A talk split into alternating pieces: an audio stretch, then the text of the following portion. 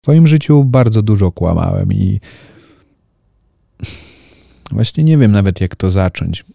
To jest na tyle trudny temat i rzecz, która siedzi tak głęboko. Przyznanie się do tego, że okłamywało się bliskich, ale i nie tylko bliskich, że stwarzało się swój wirtualny, drugi życiorys, który nie miał nic wspólnego z rzeczywistością.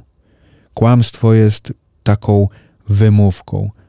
To coś na zasadzie, choć wyjdziesz dzisiaj, nie, nie mogę, bo muszę pilnować psa.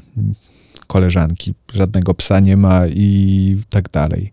Albo nie, bo wiesz, mam dzisiaj dużo pracy, a jutro mam na siódmą i muszę jechać samochodem, nie mogę. Nigdzie nie jedziesz i wcale nie masz dużo pracy, masz zamiar czytać książkę. To są kłamstwa, które traktuje się jako wymówki. Ja bardzo często traktowałem kłamstwo jako wymówkę bądź ucieczkę przed konfrontacją. Przypominam sobie takie kłamstwo, o którym chyba już mówiłem tutaj, ale nie chciałem jechać w pewne miejsce, ale żeby nie urazić tych osób, które chciały, żebym pojechał, powiedziałem tak, bardzo chętnie pojadę. Mimo, że swojej dziewczynie obiecałem, że nie pojadę i spędzimy ten czas razem gdzieś indziej pojedziemy. Więc już tu byłem w konflikcie. Dwóm osobom obiecałem coś, co kolidowało ze sobą, więc siłą rzeczy z jednej z tych czynności nie mogłem się wywiązać. Zgadzając się na obydwie, wiedziałem o tym doskonale. A mimo to brnąłem w to, ponieważ chciałem być taki miły, taki, że zawsze każdy będzie mnie akceptować, że ja się zgadzam na wszystko, że nie mam żadnej granicy i nie mam w tym swoich postanowień i swojej racji, swojej opinii i chęci. Mimo, że nie chciałem jechać tam, gdzie zdeklarowałem się, że pojadę. Uciekłem się potem do takiego kłamstwa, które było totalnie zmyślone, przygotowane. Bardzo długo się zastanawiałem, co wymyślić, żeby okłamać tamtych ludzi, żeby mieć wymówkę nie taką, że a wiecie co, nie chce mi się jechać, albo zaplanowałem, że z dziewczyną gdzieś pojadę, sorry, w tym roku nie pojadę, to ja pojechałem i na miejscu zmyśliłem, że muszę wracać, bo coś się wydarzyło. Spreparowałem wręcz to wszystko. Dziewczyna o tym nie wiedziała, po prostu powiedziałem jej, że pojadę na chwilę, wrócę i pojedziemy tam kolejnego dnia, gdzie chcielibyśmy jechać. Więc stworzyłem wirtualną rzeczywistość, żeby mieć wymówkę niepodważalną i bezpieczną dla samego siebie, żeby te osoby nie czuły się urażone. Tak mi się wydawało, albo żeby nie myślały, e, on jest nudziarz, nie chce jeździć, że bym sprawiał wrażenie kogoś idealnego, perfekcyjnego, który jest bezproblemowy, kompromisowy, zawsze się może zgodzić. Zawsze można na mnie polegać. Co nie było prawdą, bo właśnie nie można było na mnie polegać, skoro wymyśliłem sobie wymówkę zamiast otwarcie powiedzieć, że nie pojadę, bo to i tamto. Przecież nikt by mnie nie odrzucił za to. A jeżeli by odrzucił, to też bardzo dobrze. Jeżeli by mnie przestał za to lubić, szanować, to sygnał, że z takimi osobami nie warto utrzymywać żadnej relacji, bo nie można być przy nich sobą. Nie rozumiałem chyba tego wtedy. Pech chciał, że dziewczyna dowiedziała się o tym, że zmyśliłem taką historię im, a ona o tym nic nie wiedziała i powiedziała mi: Ej, ale przecież nic takiego się nie wydarzyło, co im powiedziałeś, a teraz tak wszyscy myślą, że się to zdarzyło. I powiedziała mi, że nie wiem, kim ty tak naprawdę w takim razie jesteś, bo może mi ty też coś tutaj kłamiesz dzisiaj, bo wczoraj, przedwczoraj, coś zmyślasz. I ona wiedziała prawdę akurat, że to się nie wydarzyło, oni wiedzieli co innego. A gdyby przypadkiem się zetknęli i oni by jej te, o tym powiedzieli, ona by nie wiedziała i też bym postawił ją w takim świetle, że ty, ty nie wiesz? Byłby też konflikt. Paradoks tego jest taki, że bałem się po prostu odrzucenia Więc bezpieczniej było niż stanąć na swoim i bronić swojej racji, na przykład mówiąc, nie pojadę, bo to i to, i nawet gdyby ktoś mnie zachęcał, to ja bym nie uległ, bo mam swoją granicę, coś postanowiłem i chcę się tego trzymać, to wolałem mieć coś, wymówkę niezależną ode mnie, która jest niepodważalna, taka jak czyjaś na przykład choroba. Znaczy w tym wypadku to nie była choroba, no ale e, rzeczy, których, z którymi się nie dyskutuje. Z kłamstwem jest ten paradoks, że jednym kłamstwem zawsze musiałem przykrywać kolejnym kłamstwem. W pewnym momencie zawsze trudno było się połapać, co jest tym kłamstwem, a co jest prawdą, komu kto zna jaką wersję. Ta strona zna wersję taką mnie, a druga tamtą. Ja mam wrażenie, że bardzo często robiłem to z tego względu, że obawiałem się tego, że ktoś dowie się, jaki naprawdę jestem, kiedy powiem prawdę i przyznam się do tego i będę bronił siebie. Kłamstwem chciałem też unikać konfrontacji, dyskusji. Czekajcie, wezmę wody, bo tak mi się pić chce. Gdzie jest moja woda? O, dobrze, woda jest napita, jest bardzo dobrze. Więc tym kłamstwem nie chciałem, żeby ktokolwiek poznał mnie prawdziwego, ułomnego, nieidealnego, nie zawsze zorganizowanego i nie zawsze mogącego zrobić wszystko tak, jak należy. Więc mówiłem, tak, zrobię to. Obiecuję, zrobię to, tak, pojadę, żeby nie urazić tych osób i poczuć się, tak, oni zawsze mogą na mnie polegać. Tylko, że kończyło się na tym, że ja nie miałem własnego zdania i nie trzymałem się swoich postanowień, tylko naginałem się, żeby potem się wywiązać, a gdy zgadzałem się bardzo często na coś i już w momencie, kiedy się zgadzałem, wiedziałem, że nic z tego nie będzie, ja tego przecież nie zrobię, to jest niemożliwe, ja tego nie chcę robić. Czasem robiłem, naginałem się, ale bardzo często potem szukałem w postaci kłamstwa wymówki. Bardzo dużo energii i czasu poświęcałem na wymyślanie kłamstw, żeby one były legitne i niepodważalne i żeby nie można było powiedzieć e, dobra, olej to. To musiało być ważne kłamstwo, niepodważalne. W ten sposób kreowałem siebie na kogoś lepszego, na przykład mówiąc, że o, tutaj dostałem taką ofertę, nikt do mnie nigdy nie napisał z taką ofertą, ale ja po prostu mówiłem, żeby budować swój mit. Albo że zrobiłem to, zrobiłem tamto, niczego takiego nie zrobiłem. Po prostu szukałem w ten sposób też akceptacji, ale w bardzo pokraczny sposób, ponieważ kłamstwem finalnie nie zdobywam akceptacji a przede wszystkim uznania. No bo gdy kogoś okłamie i on to wyłapie, a prędzej czy później wyłapujemy kłamstwa. Pomyśl sobie, jak często zdarzyło ci się kogoś nakryć na kłamstwie. Prędzej czy później zaczniesz coś podejrzewać.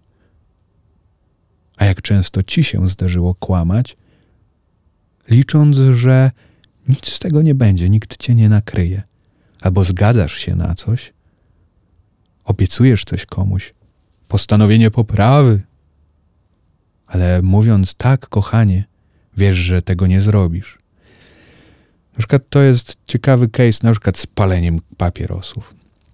Jest para i partnerka mówi: Chciałabym, żebyś nie palił papierosów. Partner mówi: Tak, kochanie, rzucę palenie, nie będę palił dla ciebie wszystko, jesteś moim oczkiem w głowie, kocham cię, kochanie. No i tak, wszystko jest pogodzeni, w zgodzie, super, będziesz, nie będziesz palił, ja jestem zadowolona, ty skoro też, bo skoro ci na tym zależy.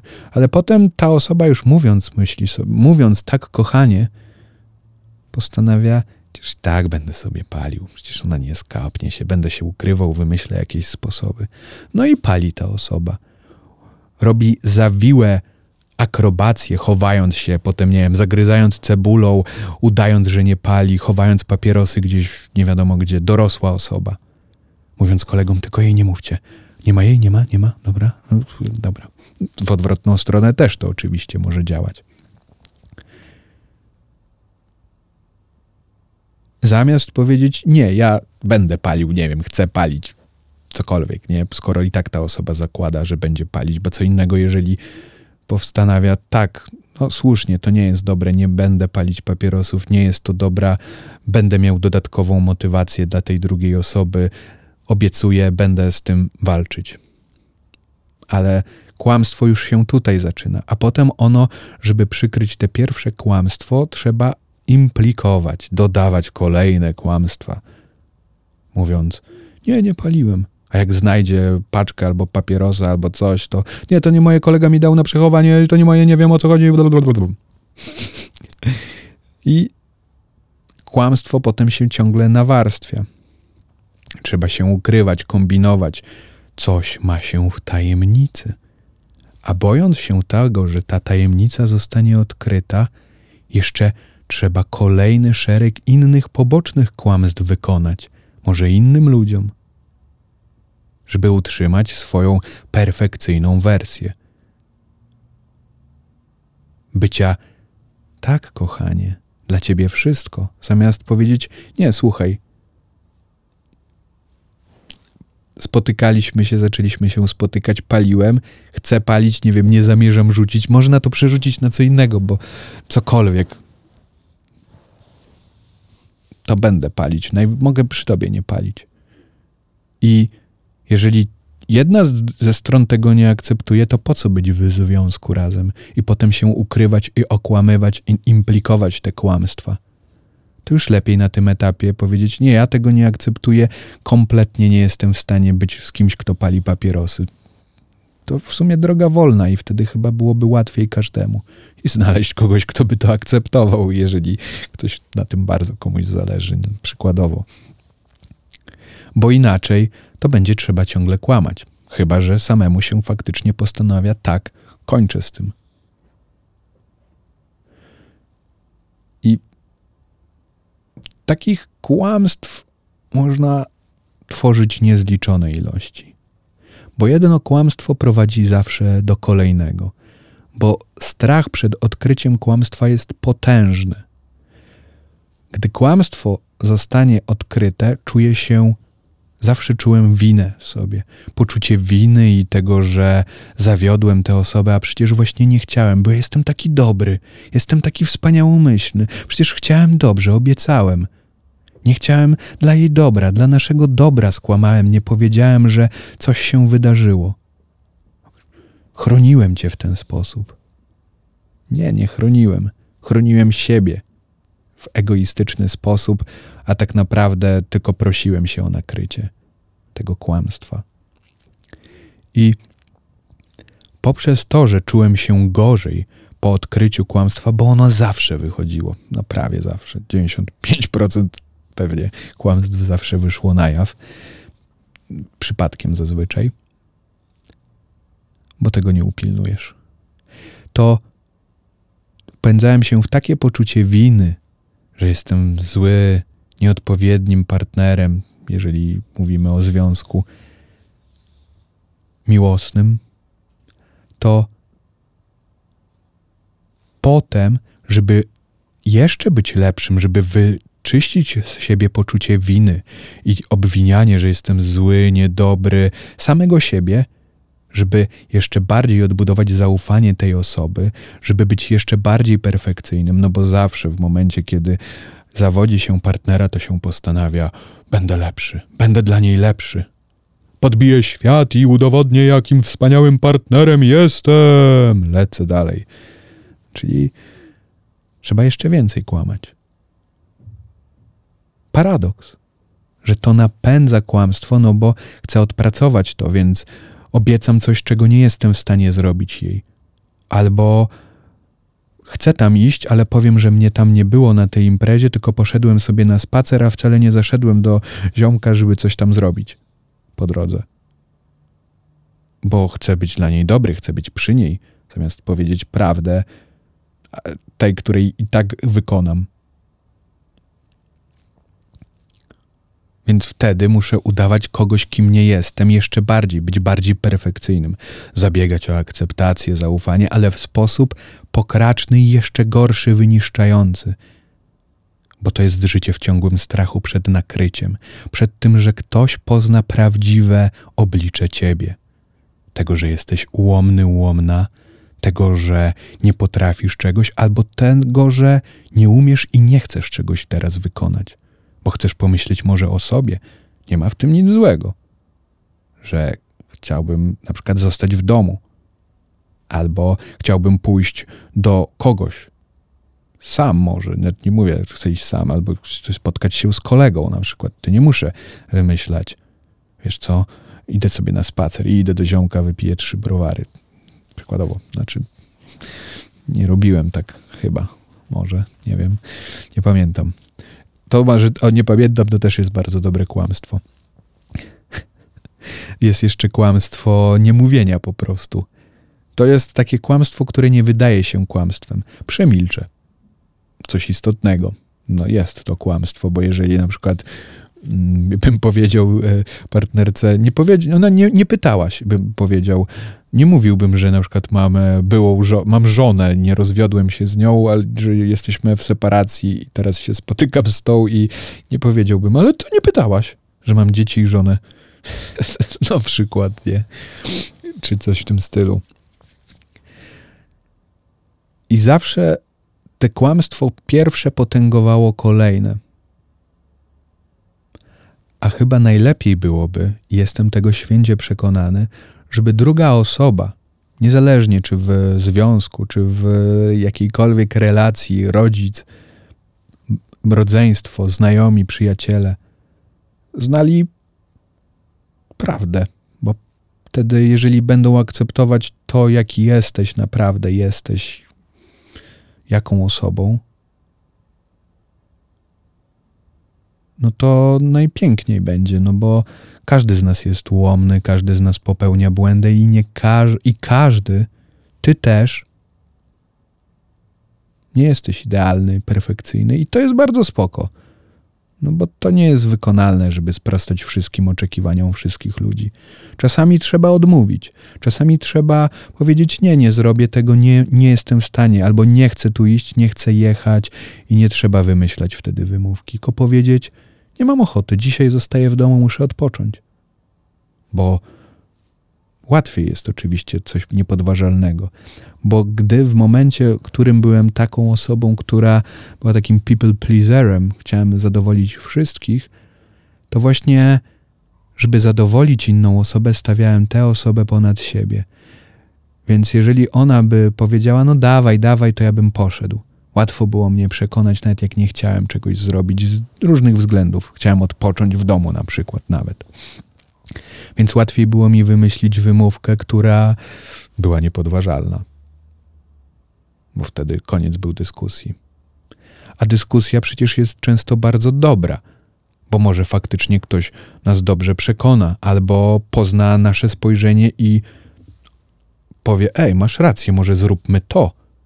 Albo no spoko, dobra, cokolwiek nie tam powie ta osoba. Albo pozna nas prawdziwych, że wiesz co, ja nie lubię chodzić do kina, przykładowo. I tyle. Zamiast się naginać specjalnie zawsze i potem wymyślać jakieś niestworzone historie. Tak jest po prostu łatwiej bycie akceptowanym za to, jakim się jest ze swoimi ułomnościami, słabościami, lękami, fobiami i brakami, bo każdy z nas je ma. Ty też masz, ja też mam, nie wiem, nawet papież ma. Każdy ma.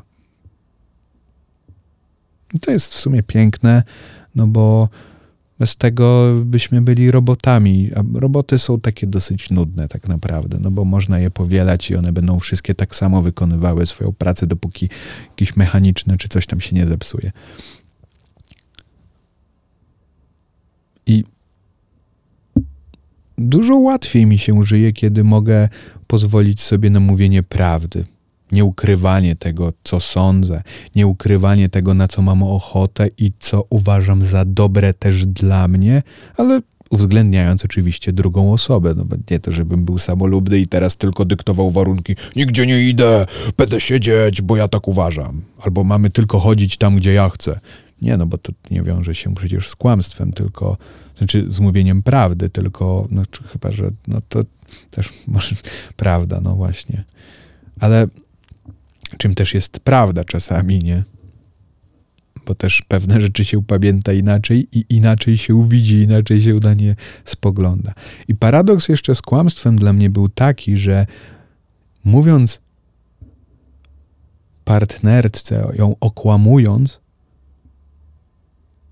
zawsze potem przerzucałem winę też na nią, bo ja to robię dla nas, bo tobie nie można nic powiedzieć, zawsze chcesz, od razu dyskutujesz coś tam. To ja jestem ofiarą, ty mi nie ufasz. Teraz już nie mogę ci mówić prawdy i dlatego kłamię, bo mi nie ufasz. Ale to zaufanie zachwiałem pierwszymi, pierwszym, drugim, czwartym, 158 miliard piętnastym kłamstwem. I teraz zastanów się. Tak, ty. Co jest Twoim największym kłamstwem? Co komuś powiedziałeś, powiedziałaś, aby mieć święty spokój, a nie było to żadną prawdą? I czy potem dziwisz się, że ta osoba albo ogólnie ktoś cię nie akceptuje, masz takie wrażenie, szukasz tej akceptacji, ale już nie wiesz, kim jesteś i co jest prawdą? Bo myślisz sobie, oni mnie nie akceptują takim, jakim jestem, taką, jaką jestem. A dajesz szansę, żeby cię zaakceptowali takim, jaką jesteś, takim, jakim jesteś?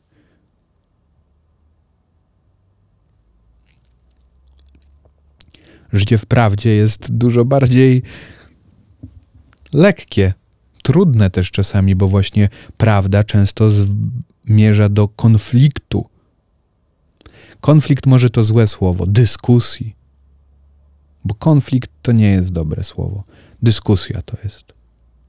Czyli do wymiany myśli i poglądów i spojrzeń i znajdywania wspólnego rozwiązania na pewne rzeczy. Ale przynajmniej jest się czystym i lepiej, żeby ktoś znał prawdę, niż kłamstwo. Bo wtedy, jeżeli on zaakceptuje tę prawdę, to ta miłość bądź relacja jeszcze bardziej się zacieśnia, bo wiemy, że można ufać tej osobie i że ona nas akceptuje takim, jakim jesteśmy, mimo swoich braków, niedogodności, fajtłapstwa, nie wiem, braku koncentracji, cokolwiek. Każdy z nas ma jakieś swoje rzeczy. Czy czasem nieobecności myślowej duchowej.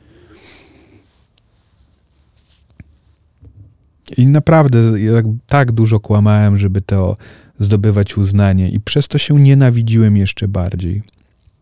A nawet nie czuję, żebym jakiekolwiek uznanie w ten sposób i akceptację zdobywał, bo w sumie to nie byłem ja. To nie ja zdobywałem tę akceptację, o ile ją zdobywałem, tylko wytworzona wersja mnie w mojej głowie. Więc gdy się przyznaję potem do prawdy i się odkrywam, jaka jest prawda i to, co we mnie siedzi, to ludzie mogą mnie odrzucić, bo powiedzą, to kim on jest, co jest prawdą o tej osobie. Czy on jest, on może jest strasznie podłym człowiekiem i złym, skoro tak kłamie i bez problemu mu to przychodzi, jeżeli te kłamstwo wyszło na jaw. Jeżeli tu nas okłamał, to może wszystko jest na jego temat kłamstwą. Kłamstwem. Kłamstwo jest toksyną, która potrafi wyciekać. Tylko z każdym kłamstwem ten otwór staje się większy i więcej toksyny leci do wody albo w grunt i zaśmieca go. Straszne ale no, warto się temu przyjrzeć. Jak często kłamiesz i jak bardzo często są to błahe rzeczy, o które lepiej byłoby powiedzieć prawdę. Nieważne rodzicom, partnerce, partnerowi, ale też i przed sobą samym.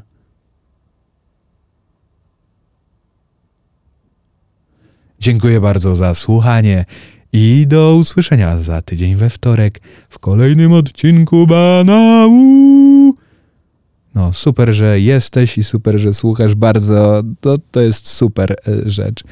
Trzymaj się i dobrego dnia i no, pa.